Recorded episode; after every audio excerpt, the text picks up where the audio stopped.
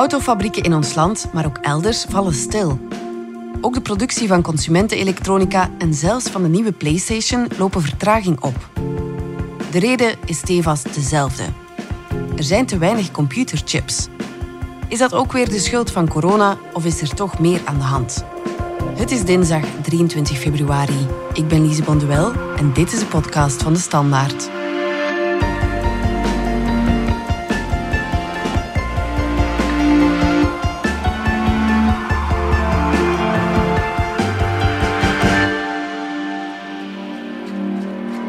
Stijn de Kok, economiejournalist. De autoproductie valt stil. Vorige week bij Volvo Cars en Volvo Trucks. Eerder ook bij Audi in Brussel. Wat is er aan de hand? Wel, net zoals heel wat andere autofabrieken in de wereld hebben, vallen zij zonder uh, wisselstukken. En vooral eigenlijk alle onderdelen waar uh, halfgeleiders of chips inzetten. Vooral Volvo Trucks en Audi Brussel hebben de productie een eh, week lang stilgelegd. Bij Volvo Cars was het een, een, beperktere onderbreking. In de hoop dat eigenlijk die toeleveranciers van de elementen waar die chips in zitten wat kunnen bijwerken, zodat ze deze week terug uh, op volle capaciteit kunnen werken. Want in de meeste Belgische automobielfabrieken zit het orderboekje wel volledig vol, dus ze moeten wel doorwerken. Ja, en waarom zitten er eigenlijk halfgeleiders in auto's en, en trucks? Wel, steeds meer en meer. In de eerste plaats op eh, motoren. Daar zit volop met controller units. Om die motor beter te monitoren, uh, veiligheidssystemen waar chips in zitten. En zeker ook in gewone auto's zit er eigenlijk ja, een boordcomputer. En mhm. bij elektrische wagens is het nog meer. Gans de aansturing van de batterij, de elektrische motor. Er zit heel veel software in, waardoor er ook uh, halfgeleiders voor nodig zijn. Ja, nu, als je een tekort hebt, dan zou ik denken, dan bestel je toch gewoon een beetje bij? Wel was het maar zo, maar uh, gans de toeleveringsketting van de autosector is vrij complex. Autofabrikanten of vrachtwagenfabrikanten hebben weinig voorraad. En dus als er daar ergens een onderbreking is, voelen ze dat uh, onmiddellijk. Ja. En het groot probleem zit eigenlijk dan dat de toeleveranciers van de componenten waar de chips in zitten, niet aan de chips geraken, die eigenlijk maar op twee plaatsen in de wereld nog echt gemaakt worden. Ja, en zijn het alleen de autofabrikanten die er momenteel last van hebben?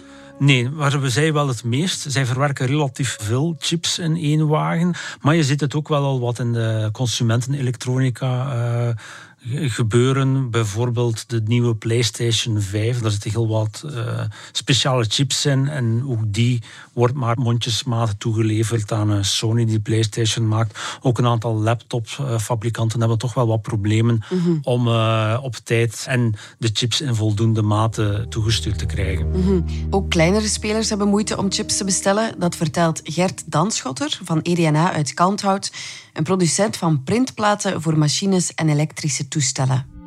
Voor ons wordt het inderdaad erg moeilijk om eh, chips bij te bestellen. Vooral, we hebben voor dit jaar hebben we eigenlijk een groei voorzien van 30 tot 40 procent. De chipsfabrikanten geven aan, oké goed, jullie kunnen uh, de chips die jullie vorig jaar, de aantallen die jullie vorig jaar hebben afgenomen, die proberen we te waarborgen. Maar de groei, de extra groei, die 30 tot 40 procent die wij voorzien voor dit jaar, eh, die kunnen wij heel moeilijk waarmaken. En wat zien we nu? Wat is de situatie op de dag van vandaag? Dat het al heel moeilijk is om de aantallen die we vorig jaar toebedeeld gekregen hebben, om, om die vast te krijgen. En over uh, ja, de groei uh, wordt eigenlijk nog nauwelijks gesproken. Eh, door de chipfabrikanten. En kunnen producenten niet gewoon wat meer en sneller produceren? Dat is denk ik wel de moeilijkheid, omdat er eigenlijk niet zo heel veel zijn die het produceren. Dus er zijn best wel veel chipproducenten in de wereld. Mhm. Maar wat blijkt eigenlijk dat steeds meer van die producenten het ontwerp doen van de chip, eh, een aantal deelfuncties, maar dat het eigenlijke werk van de chip, de chip zelf maken, nog maar op een heel beperkt aantal plaatsen in de wereld mhm. gebeurt. En die zitten eigenlijk heel vol. Uh, dat komt een deel door corona. Er is heel veel extra elektronica besteld, omdat we allemaal thuis zitten. Mhm. Maar dat is eigenlijk al een, bijna een accident waiting to happen van al een aantal jaren. Die concentratie op een aantal producenten steeds groter wordt. Het aantal chips die we moeten gebruiken uh, in de wereld, bijvoorbeeld in wagens, dat neemt continu toe. En ja, dus je krijgt daar een gigantische bottleneck, waar we nu echt voor de eerste keer echt het, de omvang van het probleem beginnen te zien. Mhm. En je zegt, er zijn niet meer veel chipproducenten. Hoeveel zijn er ongeveer? Je hebt eigenlijk verschillende soorten chips, maar uh, een chip nu wordt eigenlijk al op um, 7, 8 nanometer. Dat is eigenlijk een, miljardste van een meter. Dus een chip is ongeveer 1 vierkante centimeter groot. En dat zit vol met halfgeleiders. Eigenlijk worden daar allerlei circuits in geëtst. En die worden steeds dunner en dunner. Dus hoe dunner je gaat, hoe minder producenten dat je nog hebt. Ah en voor de laatste generatie chips, daar zijn die circuits nog maar een paar nanometer dik. Dat is eigenlijk een paar atomen dik. Dan is het aantal producenten die dat nog kan maken zeer beperkt. 2 A3. Intel, Samsung en ehm, TSMC in Taiwan. Intel wordt eigenlijk al steeds minder meegerekend tot die drie, omdat zij wat in de problemen zitten en ook al aan het kijken zijn naar de andere twee om een deel van hun uh, productie over te nemen. Mhm. En dat is ook wat gebeurt met ah, heel wat andere producenten. Bijvoorbeeld, je hebt Infineon, dat is een Duits merk van chips die heel veel toelevert aan de autosector. Maar ook daar is het eigenlijke werk van de chips wordt ook uh, bij TSMC of Samsung gemaakt. Ja, en eh, zijn er dus maar twee producenten meer, omdat hoe kleiner uh, ze zijn, hoe moeilijker ze te maken zijn? Ja, inderdaad. En vooral eigenlijk ook de machines die steeds duurder worden. Want je hebt twee producenten en je hebt eigenlijk ook maar één maker van de machines, of de kernmachine waarmee een chip gemaakt wordt. En eigenlijk de, de belangrijkste machine is de lithografie machine die eigenlijk al die circuits in, in die vierkante centimeter etst. En eigenlijk toevallig of niet toevallig, die fabrikant die staat zelfs vlak uh, op de grens van Vlaanderen, 10 kilometer ah. ten noorden van Vlaanderen, in Veldhoven en heet ASML. Uh, eh, ooit een afsplitsing van Philips. Uh, ook werkt sterk samen met de IMEC uit leven. En zij hebben eigenlijk het monopolie op wat dan EUV-lithografie-machines noemt. En dat is Extreme Ultraviolet licht. En dat heb je eigenlijk nodig om die heel fijne etsen. Dat is een soort laserlicht dat dan door water en vooral door lenzen, waar die laserstraal continu verkleind wordt, waardoor je op die manier die heel fijne etjes kan aanbrengen. Nu, zo'n machine die heel, dat heel fijne werk doet, één zo'n machine kost al rap meer dan 100 miljoen dollar. Dus je ziet dan dat het ja, een enorme schaalvergroting krijgt, waar eigenlijk nog maar een aantal producenten zijn die die investeringen kunnen doen. Twintig jaar geleden kostte een uh, chipfabriek ongeveer 1 miljard dollar. Mhm. En nu is dat bijna 20 keer zoveel, 20 miljard, door al die geavanceerde producten eh, die ze nodig hebben. Dus je ziet een gigantische concentratiebeweging naar nog maar een enkel aantal uh, producenten die eigenlijk het volledige gamma kunnen aanbieden. Ja. Er is eigenlijk een zekere analogie bijvoorbeeld in de fietssector. Uh, daar heb je ook hetzelfde. Als je in een fietswinkel binnenkomt, zie je heel wat fietsmerken staan. Ja. Maar eigenlijk die kader of die versnellingen die komen allemaal van dezelfde producent uit Azië. En dat is eigenlijk ook wat er wat gebeurt in de chipsector. Je hebt meerdere producenten hier nog en die maken wel een ontwerp, maar het eigenlijke produceren wordt geconcentreerd bij Samsung en TSMC. Ja, en ze hebben eigenlijk een oligopolie. Ja. En omdat zo'n nieuwe fabriek zo duur is, is het dan ook heel moeilijk om nog bijvoorbeeld in Europa of de VS of China nieuwe fabrieken op te starten. Ja, en dan belanden we eigenlijk in geopolitiek vaarwater. Jazeker, de wereld is daar toch wel, wel kwetsbaar op aan het worden. Het is een beetje hetzelfde als in de oliesector, waar ontzettend veel olie iedere dag voor door de Strait of Hormuz in de Perzische Golf moet. En wordt eigenlijk altijd zo wat als de Achillespees van de ganse energiesector in de wereld gezien. Maar als er nog maar twee producenten zijn en één in Taiwan, dat toch ja, in een geopolitiek vreemde situatie zit met China en Zuid-Korea, dat tegen Noord-Korea zit met kernwapens, ja, dan uh, is het toch een gevaarlijke situatie dat er toch eens iets kan gebeuren waardoor dat we helemaal zonder chips vallen. Ja, en probeert China er dan geen vat op te krijgen? Wel, China zou heel graag heel veel chips maken. Het probleem is dat ze eigenlijk die machine van ASML, die eigenlijk heel bepalend is, ASML mag die van de Amerikanen niet aan China verkopen. En dus moet China ook dat soort lithografiemachines beginnen maken. En dan wordt toch van geschat dat dat minstens tien jaar duurt, eer dat je al ja, die hele precisiemachines kan maken. Dus het is niet dat zij zomaar snel even uh, chips kunnen gaan maken van enkele nanometers dik. En Europa staat erbij en kijkt ernaar? Wel, ook Europa zou graag weer terug meer chips zelf maken, maar gezien de enorme investeringskost is dat niet evident. Niet tegenstaande dat er wel best wel wat know-how hier zit, zoals mm ASML. IMEC hier in België is ook een heel belangrijke speler in halfgeleiders, heeft heel veel kennis daar rond. We hebben hier Melexis ook, dat chips ontwerpt en met XFAB zelf chips in Europa maakt, maar dat zijn wel ja, veel minder gecompliceerde chips dan, dan die topproducten die in uh, Azië gemaakt mhm. worden. Maar zeker ook de VS hoopt uh, terug weer wat meer chips zelf te maken. Maar daar zit de trend ook eerder omgekeerd aan. Want Intel, het belangrijkste en meest toonaangevende bedrijf lange tijd in de chipsector, zit wat in de problemen en moet gaan outsourcen naar Azië. Mhm technologie wordt toch goedkoper? Wordt het dan niet gemakkelijker om die te produceren? Wel, je hebt de heel bekende wet van Moore, ehm, genoemd naar een van de oprichters van Intel in 1965. De man leeft zelf nog altijd, is al in de 90. Maar hij stelde dat om anderhalf jaar het aantal transistors op een chip verdubbelt.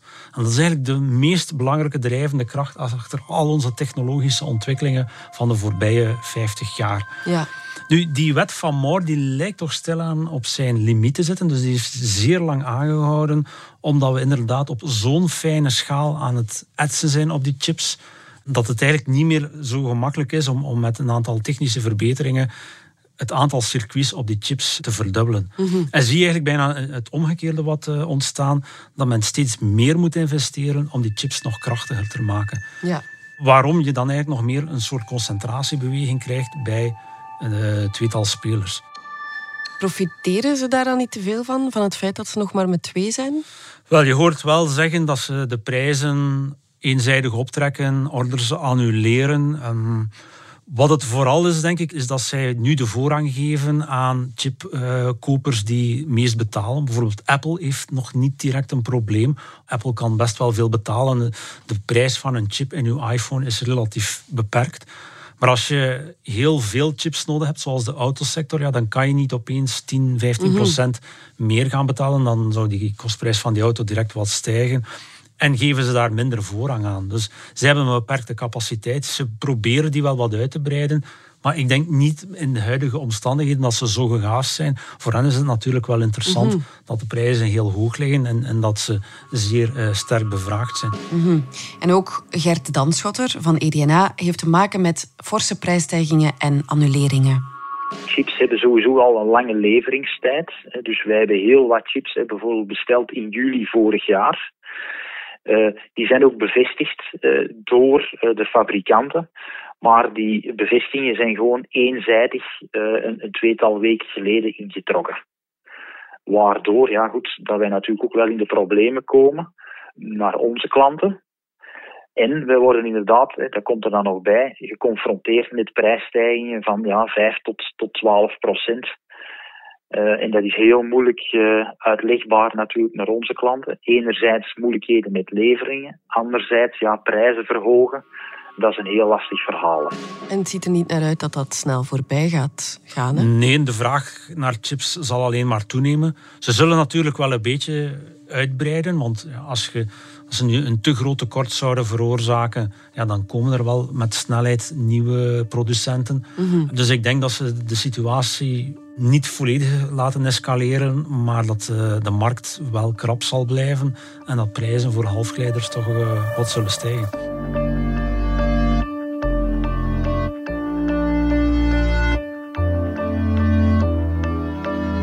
zijn terug na de reclame. Bitcoin, het bizarre verhaal van twee pizza's. De bitcoin is een gedecentraliseerde munt. De ontstaansgeschiedenis is op zijn minst opmerkelijk te noemen en heeft te maken met twee wereldberoemd geworden pizza's. De Bitcoin Pizza Day wordt elk jaar op 22 mei gevierd, omdat precies op die dag het succesverhaal van de bitcoin begon. Wil u weten waarom? Ga dan vlug een kijkje nemen op bit4u.io, het eerste Belgische platform waarop al wie actief is rond cryptomunten ideeën kan uitwisselen. Stijn, ik neem aan dat de grondstoffen die nodig zijn om die chips en die wagens te produceren dan ook ja, van over heel de wereld gehaald moeten worden. En dat productieproces dan ook op die manier onderhevig is aan dat geopolitieke spel. Wel, um, Vroeger was het vrij eenvoudig. Een auto bestond eigenlijk voor een heel groot stuk uit uh, staal. En staal kon men in Amerika zelf maken. Wat uh, rubber voor de banden en glas en een beetje kunststof. En klaar. en was het klaar en was er eigenlijk nooit een echt geopolitiek probleem bij de aanlevering van al die grondstoffen. En nu zie je dat het veel complexer wordt. En in een auto zit het vol met halfgeleiders die in Azië gemaakt worden. Ze gaan ook met de elektrische wagen volop batterijen daarin steken. En die batterijen zitten er allerlei grondstoffen die van gans de wereld, van Afrika komen. Ook die batterijen zelf worden heel vaak dan in Azië gemaakt door slechts enkele producenten. En dan zit het nog eens ook vol in als we met elektromotoren werken met zeldzame aardmetalen, waar China ook alweer 80% van de wereldmarkt in zit. Dus uh, wordt het iets, een heel andere uitdaging dan gewoon wat uh, staal in het uh, noordoosten van de VS te winnen. Ja, moet de politiek dan niet ingrijpen? Ja, je ziet eigenlijk echt wel dat, dat uh, zeker in de VS en ook stilaan in Europa de uh, politiek aan het wakker schudden is. Want de auto zelf wordt nog altijd in grote mate in de landen waar hij verkocht wordt gemaakt. En dat betekent ook heel veel jobs daar. En als die toeleveraanketens zo complex worden met zoveel risico's, ja, dan, dan heb je een probleem. En, mm en die fabrikanten alleen kunnen het niet meer aan. Dus mm -hmm. er mhm. moet ook ingegrepen worden. Ja, de woordvoerster van de Amerikaanse president Joe Biden belooft nu dat de Amerikaanse regering gaat bekijken hoe er kan worden ingegrepen in de toeleveringsketen van die belangrijkste industrieën. The administration is currently identifying potential choke points in the supply chain and actively working alongside key stakeholders in industry and with our trading partners to do more now. At the same time, we are looking down the road. The long-standing issue with short supply of semiconductors is one of the central motivations for the executive order the president will sign in the coming weeks to undertake a comprehensive review of supply chains for critical goods. The review will be focused on identifying the immediate actions we can take from improving the physical production of those items in the U.S. to working with allies to develop a coordinated response to the weaknesses and bottlenecks that are hurting American workers. Stijn, botsen we nu op de limieten van de markt? Toch wel een beetje. Je kan ook niet meer zomaar zeggen we gaan puur de vrije markt laten spelen en die autoproducenten maar de grondstoffen kopen en de onderdelen waar ze het goedkoopst zijn.